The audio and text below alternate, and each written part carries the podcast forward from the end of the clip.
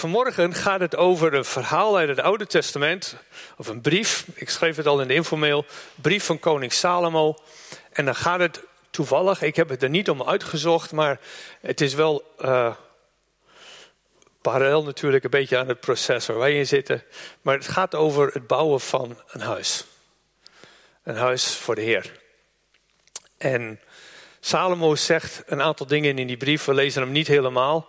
Maar Salomo zegt een aantal dingen in die brief die um, getuigen van heel veel wijsheid. En het is nog het begin van zijn koningschap, dus hij zat nog vrij vers in die wijsheid. Later in zijn leven werd dat wat minder, want hij maakte keuzes die hem wat verder, zijn hart verder van God af leidden. Waardoor zijn wijsheid ook wat verdampte, helaas. En dat had ook invloed op het koningschap en op het koninkrijk van, van Juda, wat daarna uit elkaar viel. Maar we zien Salomo hier echt aan het begin van zijn koningschap als jonge koning. En ik wil met jullie lezen 2 Kronieken 1, vers 18. Dus het laatste vers. In de NBV-vertaling in elk geval heb je een andere, heb je de, de eh, herziene statenvertaling. NBG weet ik niet precies. Maar dan kan het zijn dat je moet beginnen te lezen bij hoofdstuk 2, vers 1. Dus dan weet je dat NBV 1, vers 18. Andere vertalingen wellicht hoofdstuk 2, vers 1. En daar staat, en dan lezen we Salomo besloot een tempel te bouwen voor de naam van de Heer en een koninklijk paleis voor zichzelf. En hij beschikte over 70.000 showers en 80.000 steenhouwers in het gebergte. En die onder leiding stonden van 3600 opzichters. En hij stuurde afgezanten naar koning Guram van Tyrus met het volgende verzoek. In de tijd hebt u mijn vader David cederhout geleverd voor de bouw van een paleis. Nu wil ik beginnen met de bouw van een tempel voor de naam van de Heer mijn God. En die tempel zal ik aan hem wijden om hem reukoffers te brengen, met vaste regelmaat toonbroden neer te leggen en er smorgens en s avonds, op Sabbat, nieuwe maan en de hoogtijdagen van de Heer, onze God, brandoffers op te dragen, zoals dat aan Israël is opgelegd als een eeuwige verplichting. Het moet een grote tempel worden, want onze God is groter dan alle andere goden. En eigenlijk is niemand in staat voor hem een huis te bouwen, want zelfs de hoogste hemel kan hem niet bevatten. Dus wie ben ik dat ik voor hem een tempel zou bouwen Behalve dan om er voor hem offers te brengen. En dan gaat hij verder met verzoek hoeveel hout en zilver en koper en purper en brons en alles wat hij nodig heeft. En iemand die hem kan helpen om dat spul allemaal te bewerken. Ik weet niet wie het was. Ik heb gewoon in mijn hoofd uh, uh, de woorden van een zendeling. Uh, misschien schiet bij iemand wel de naam te binnen. Verwacht grote dingen van God en onderneem grote dingen voor God. Bekende woorden? Niet? Nou, bij deze zijn hele bekende woorden. Goed onthouden. Verwacht grote dingen van God en onderneem grote dingen voor God. En eigenlijk kan je zeggen dat is wat Salomo doet. Hij, hij verwacht iets groots. Hij heeft ook een, een grote opdracht gekregen. En hij onderneemt iets groots. Hij gaat een grote tempel bouwen. En dan gaat dat grote, gaat het dus niet alleen maar de vierkante meters. Hoe hoog, hoe breed en hoe lang die is. De kubieke meters, net hoe je het wilt aanduiden. Maar grote gaat vooral om het imposante. Het is een tempel dat iets moet weergeven van de God van hemel en aarde. Ik zie Carlien daar zitten, die heeft het over, vaak over de grootheid van God. Een beetje jouw motto. Nou, dat is waar Salomo dus een huis wil voor gaan bouwen, voor die grootheid van God. En toen zat ik erover na te denken van, hoe, hoe, hoe ga je dat nou aanpakken? Dan, dan, als je, hoe groot is groot? En hoe groot is groot genoeg? Wanneer kan je zeggen, zo groot moet het zijn Maar dat is ook groot genoeg. Dan, dan is het af. Is het dan ooit wel af? En om, om daar antwoord op te krijgen, moet je dus wel een besef hebben van wat je, waar je, waarom ga je nou dat huis bouwen? Wat wil je daarmee tot uitdrukking brengen? Oftewel, wat zijn nou de fundamentele waarheden? Wat is, waar gaat het nou eigenlijk om? Wat is de essentie van datgene wat Salomo hier wil bouwen? Wat is nou het fundament op basis waarvan hij het fundament gaat leggen? Wat is het fundament onder het fundament? Kan je vragen. Dus met andere woorden, Salomo heeft blijkbaar al, en daar kom ik straks wel weer terug, Salomo heeft al nagedacht over de basis. Van wat, wat wil ik nou tot uitdrukking brengen met het bouwen van dit huis? Wat is mijn taak daarin? Wat is mijn roeping? Wat is de boodschap die in het bouwen van het huis moet zitten? Wat daarmee verweven is. En daarmee wil ik het is heel lastig om daar zo even, nou, dat, vullen we dat gauw eventjes in. Een soort uh, meer keuzevraag van als je vier goede antwoorden hebt, dan weet je hoe het zit en dan kan je het huis gaan bouwen. Dit, zijn geen vragen die we even met de hand in de broekzak van, oh, ik denk dat het daar en daarom gaat. Dit, dit zijn dingen, daar ben je eigenlijk je leven lang mee bezig. Van, ja, maar waar draait het nou om? En elke keer word je weer terugge gebracht, teruggeleid naar de basis. En het zijn situaties in het leven die je daarbij kunnen bepalen. Als je door stormen gaat en, uh, en lastige periodes, dan ga je dan nadenken van ja, maar waarom ben ik hier? En, en wat is het doel van mijn leven?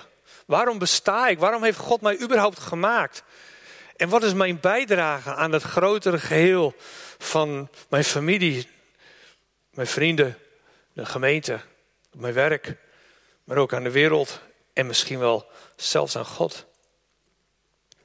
Dus als het gaat om fundamentele vragen, dan gaat het over vragen niet alleen van, van het zijn, wie zijn wij, wie ben ik en waarom ben ik, maar het heeft ook gelijk te maken met bestemming. Het heeft te maken met waar je naartoe gaat, wat het doel is van je leven.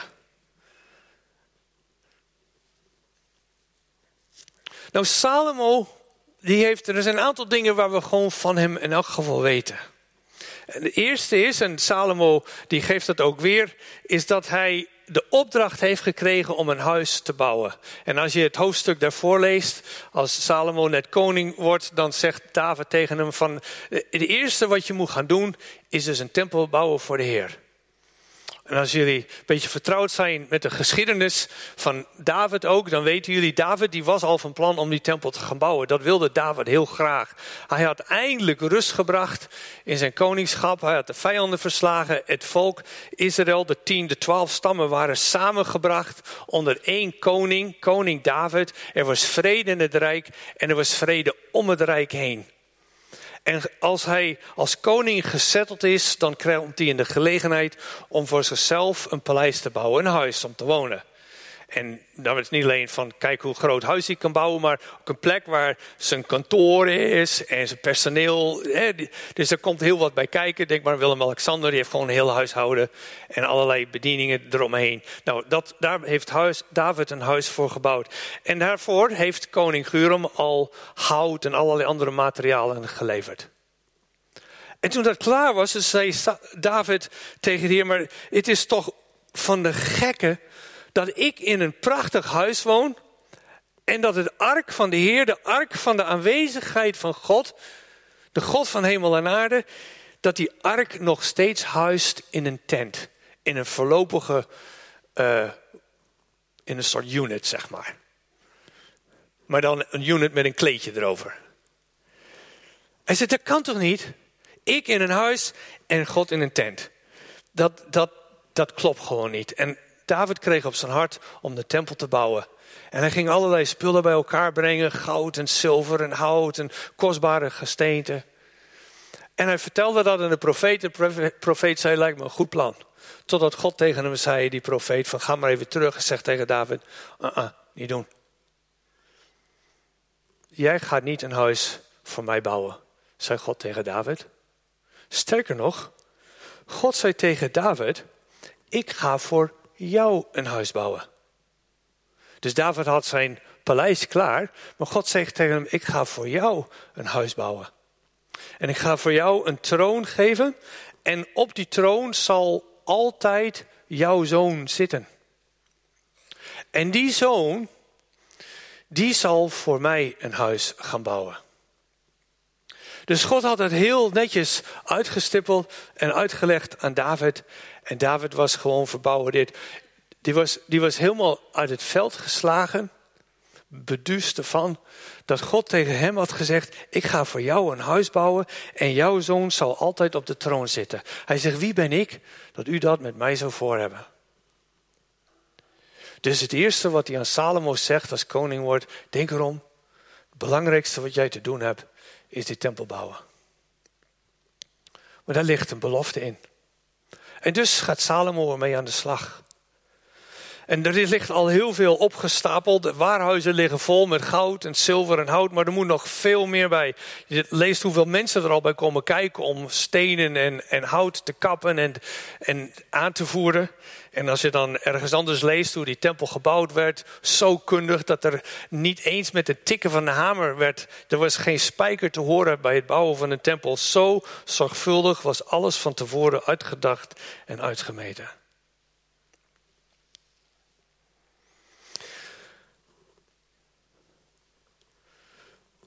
En Salomo, die weet ook van iets anders.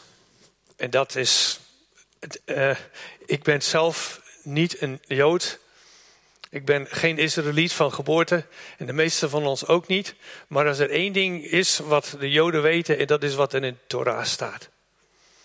En als je 300 jaar teruggaat in de tijd naar Mozes, in het boek Deuteronomium, Deuteronomium 12, daar wordt een hele hoofdstuk daaraan gewijd, waarin Mozes zegt, straks gaat God een plek aanwijzen in het nieuwe land, dat hij in het beloofde land waar jullie naartoe zal brengen. En op die plek, daar gaan jullie al jullie offers naartoe brengen.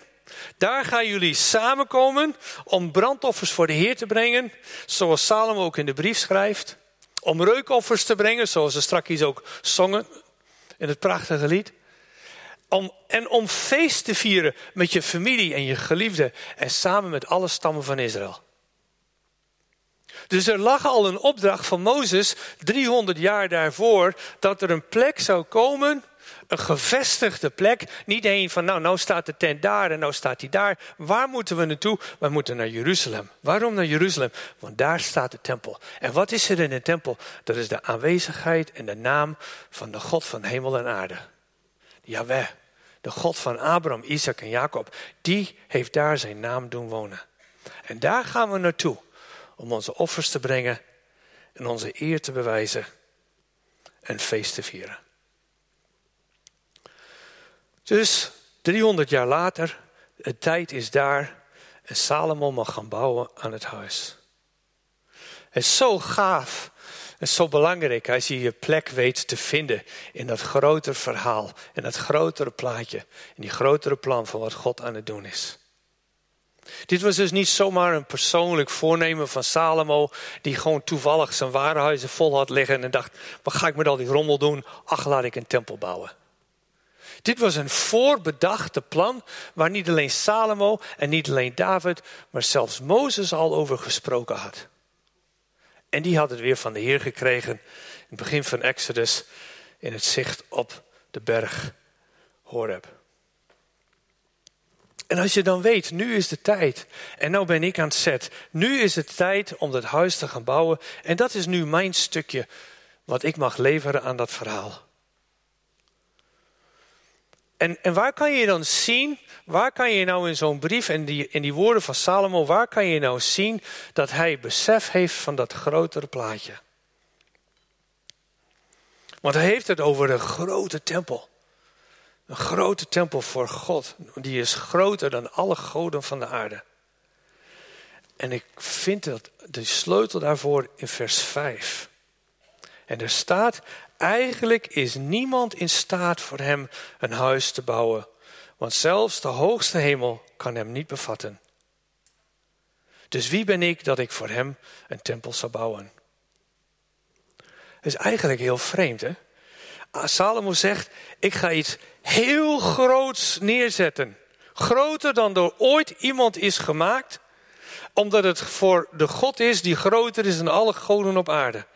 En tegelijk zegt hij, het kan eigenlijk niet. Er is niets wat wij kunnen doen of zeggen, dat kunnen we bouwen of maken, of kunnen bedenken of kunnen bezingen, of zelfs om kunnen vragen dat God kan omvatten. God is altijd groter. En het is alsof, alsof als je hier Mozes hebt en dan David en Salomo. En dan ga je 300 jaar verder in de tijd naar de profeet Jezaja. Het is alsof, alsof Salomo al Jezaja hoort spreken. Want Jezaja zegt, de hemel is mijn troon en de aarde is de voetbank voor mijn voeten. Waar zou dan het huis zijn dat u voor mij zou willen bouwen? En waar de plaats van mijn rust? Ik vind dat, ik heb het wel eens vaker gezegd, maar ik vind dat het woord paradox komt dan elke keer weer bij mij naar boven toe. Aan de ene kant zegt Salomo, en hij weet dat hij een opdracht heeft van de Heer om een huis te bouwen waar God zijn naam kan doen wonen te midden van zijn volk. En aan de andere kant zegt de profeet Jesaja, hoe wou je nou ooit een huis bouwen terwijl de aarde, de hemel mijn, mijn troon is en de aarde is mijn voetbank? Waar wil je nou een plek bouwen waar ik zou kunnen wonen? En een plek voor mij rust, om mij om te rusten. Salomo die kent het fundament, die kent het verhaal, die, die weet waar het om gaat. En, die, en die, diep in zijn hart begrijpt hij, ik moet iets groots doen en tegelijk beseffen, het is onbegonnen werk. Het is misschien zelfs een tikkeltje not done. En dan voel ik een beetje de verleiding om even te springen naar vandaag, naar ons, zoals we hier vanmorgen zitten.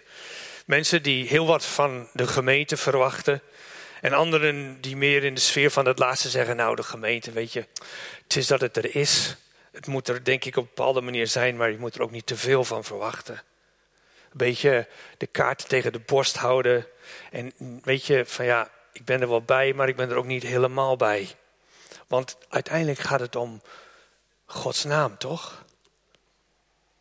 En we zijn toch allemaal gewoon volgelingen van Jezus?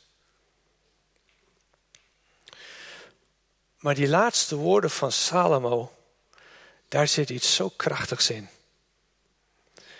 Wie ben ik dat ik voor hem een tempel zou bouwen, behalve dan om er voor hem offers te brengen? Behalve dan om er voor hem offers te brengen. De eerste keer, dat was niet de eerste keer dat ik dat las. Dus als je vanaf kindsbeen aan altijd door de Bijbel leest. En ik weet al niet meer hoe vaak, van kaf naar kaf, et cetera, doet er niet toe. Maar er zijn er van die woorden die, dan, die je eigenlijk voor de eerste keer leest. En ik weet, ik, was in mijn stille tijd en ik was bezig. En ik, het was een tijd geleden, dus ik weet niet waar het over ging. Maar ik dacht van een bepaalde project in de gemeente oppakken. En er zat een soort passie in mij en een gedrevenheid om het echt goed te doen, om het goed neer te zetten. En, en toen was ik in mijn stille tijd dit gedeelte aan het lezen. En dat, dat, dat resoneerde, weet je wel. Dan denk je van, oh ja, ja, we gaan wat bouwen. We gaan wat doen. En toen ineens die laatste woorden. Behalve dan om er voor hem offers te brengen. En toen zag ik ineens Salomo het hele bouwproject is klaar. De tempel is gereed. De koorzangers. Eh, en ze hebben gezongen met elkaar. En de aanwezigheid, die wolk van Gods heerlijkheid, is over de tempel gekomen. En het is maandagochtend. Iedereen is terug naar zijn werk. En wat doet Salomo? Die gaat op zijn slofjes naar de tempel toe.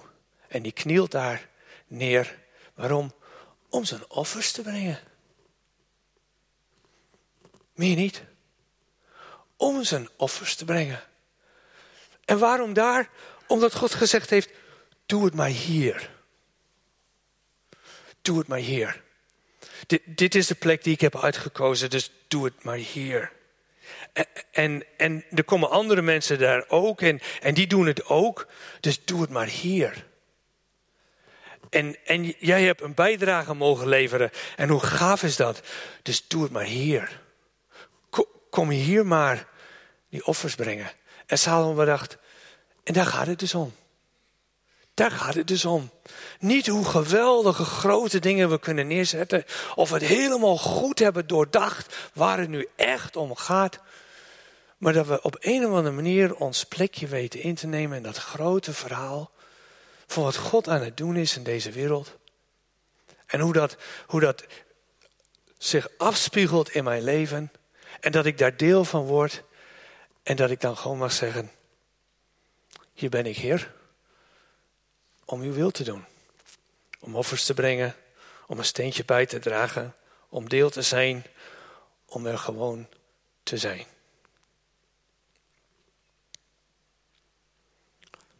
Eigenlijk heel bijzonder en heel gaaf. Zo groot en tegelijk zo klein. Dat, is, dat raakt mij gewoon. Dat Salomo, wanneer hij echt gaat uitleggen waarom hij nou die tempel wil bouwen die zo groot en zo mooi moet zijn. En dan verwacht je iets heel imponerends.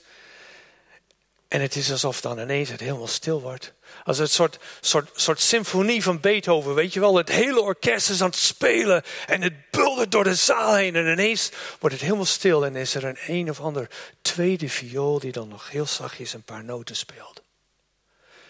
En daar gaat het om. En daar gaat het om. Hoezo offers zou je kunnen afvragen? Gaat het dan niet om het bouwen van het huis? Het gaat er dus niet om van wat hebben we nu neer kunnen zetten met elkaar. Maar dat er een, een plek is, en ik heb dat maar genoemd, een plek is waar je wat meer kunt ervaren en van de werkingssfeer van Gods genade. God is aan het werk. Dat, dat weten we. En dat over de hele wereld. En we weten, Marcel had het ook over mensen die dromen zien en, en beelden van Jezus krijgen en woorden horen. Ook moslims. Ik las van de week eentje van iemand in Irak die gewoon bij de rivier staat en, en dacht van, die was tot Allah aanbidden en ineens zag hij het gezicht van Jezus die tot hem sprak. Hij is christen geworden zonder tussenkomst van welke persoon dan ook. God is overal. Maar ik durf je op een briefje te geven dat diezelfde persoon het heel gaaf zal vinden als hij een gemeente kan vinden van mensen die ook die aanraking met Jezus hebben gehad en dat ze samen liederen van aanbidding kunnen zingen en elkaar kunnen omarmen en voor elkaar bidden en zegenen. En dan kom je dus steeds meer en steeds dieper in die werkingssfeer van Gods genade. En de gemeente is een heel belangrijk onderdeel van die werkingssfeer van Gods genade. En dat wil niet zeggen dat we het met elkaar zo goed doen. Tegendeel soms zelfs. Maar dat neemt niet weg dat God wel heeft gezegd, maar zo wil ik dus mijn gemeente bouwen. Met al die mensen die daar samenkomen en, en, en dan van alles bijdragen of niet. En, en hopen wat te halen. Eh, en, en soms aarzelen om wat te brengen. En, en tegelijk ben ik daar. En, en ik wil, zoals ook straks, ik wil dat, je, dat jullie met elkaar gewoon leren om vanuit mijn liefde te leven in de liefde met elkaar, dat te delen. En dan komt er iemand anders, wat zijn jullie aan het doen daar met elkaar? Nou ja, Salomo zeggen, we zijn alleen maar onze offers aan het brengen. We zijn gewoon gemeente aan het zijn met elkaar. Ja, wat dat erin? Ja, dat weten we ook niet precies. Maar kom er maar gerust bij. Drink in elk geval een bak koffie. Mogen we voor je bidden? Is er iets in je leven dat we voor Gods stroom mogen brengen? En zo dijt als het ware die werkingssfeer van Gods genade steeds verder uit. En weet je, als je een plek weet te vinden, als je weet dat je door God als het ware geroepen bent, hij heeft in je hart gelegd om, om onderdeel te zijn van dat grotere plaatje, dat gaat dan ook wat met jou doen. Waar zou het huis zijn dat u voor mij zou willen bouwen, zegt de Heer. En tegelijk zegt Psalm 127, maar als de Heer het huis niet bouwt. Dus God is echt wel wat aan het bouwen. Terwijl wij soms, terwijl wij denken, oh het breekt ons bij de handen af. En maar God is nog steeds aan het bouwen. Waarom? Omdat als God zegt, dit ga ik doen, dan is er één ding heel erg zeker. Dan gaat hij dat ook doen. Gods woorden keren nooit ledig terug, maar die brengen altijd tot stand datgene wat hij gesproken heeft. En dat is waar Salomo ziet en beleidt en erkent, waar Jezaja naar verwijst, waar Jezus in wandelt en waar wij op dit moment ons plekje ook in mogen vinden.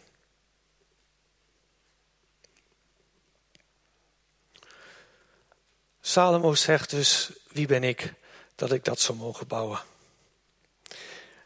Toen God Mozes riep in Exodus 3, vers 11, toen zei Mozes, maar wie ben ik dat ik naar Farao zou gaan en de Israëlieten uit Egypte zou leiden?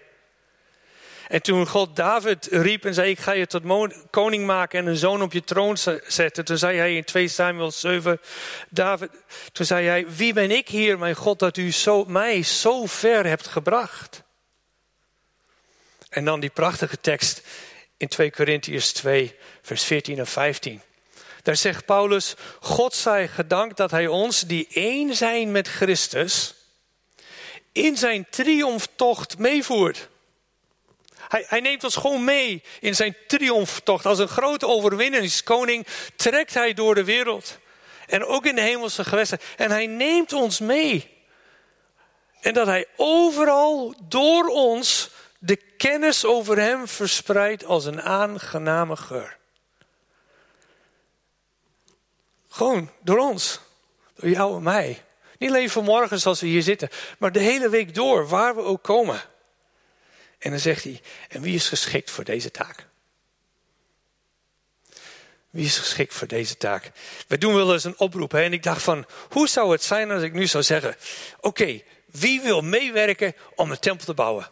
En, en, wie, wie zegt, ik wil een aangename geur verspreiden? Kom naar voren en we gaan met elkaar het aanpakken. En diegenen die naar voren komen, denk ik al, misschien moeten we eerst voor je bidden. Of de Heer je hart zacht mag maken. En week.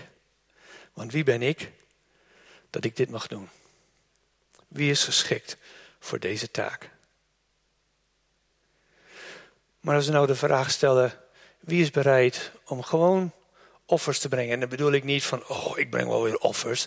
Nee, van de dingen die God gevraagd heeft om te doen, dat we dat gewoon doen. Veronachtzaam de samenkomsten niet, staat er in de brief aan Hebreeën.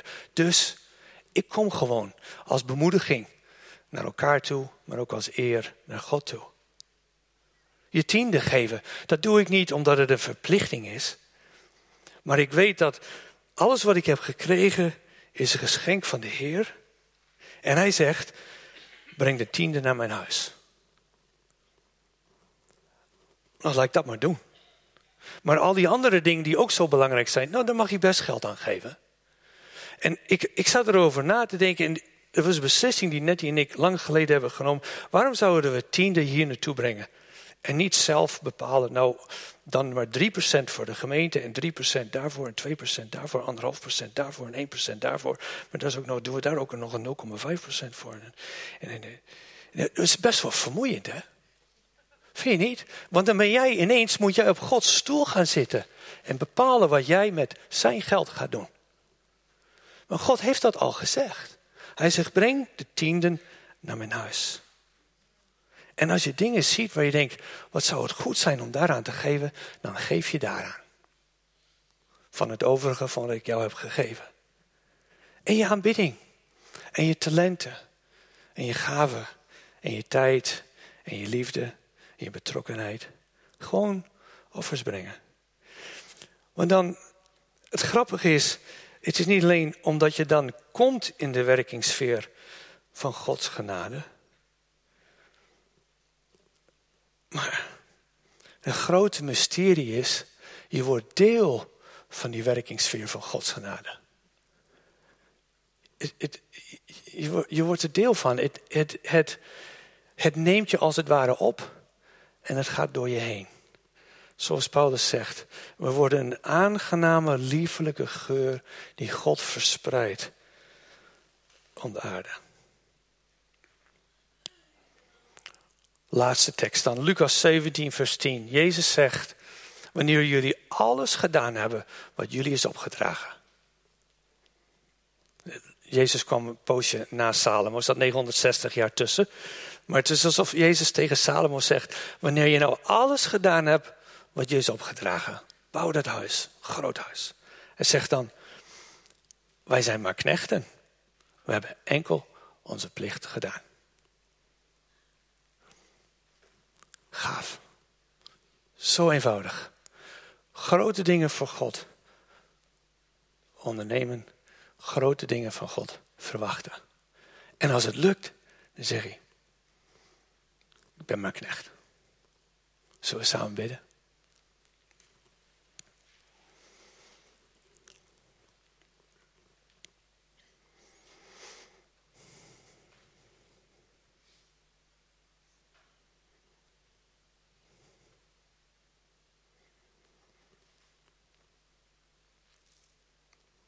Heilige Geest, wil u vragen gewoon op dit moment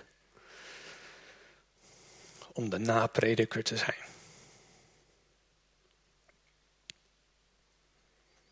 Om de woorden die u wilt spreken, die u ons op het hart wilt leggen. Om dat bij ieder van ons te verdelen.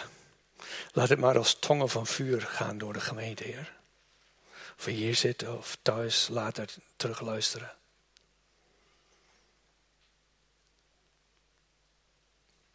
Het gaat vanmorgen niet over de preek van Piet.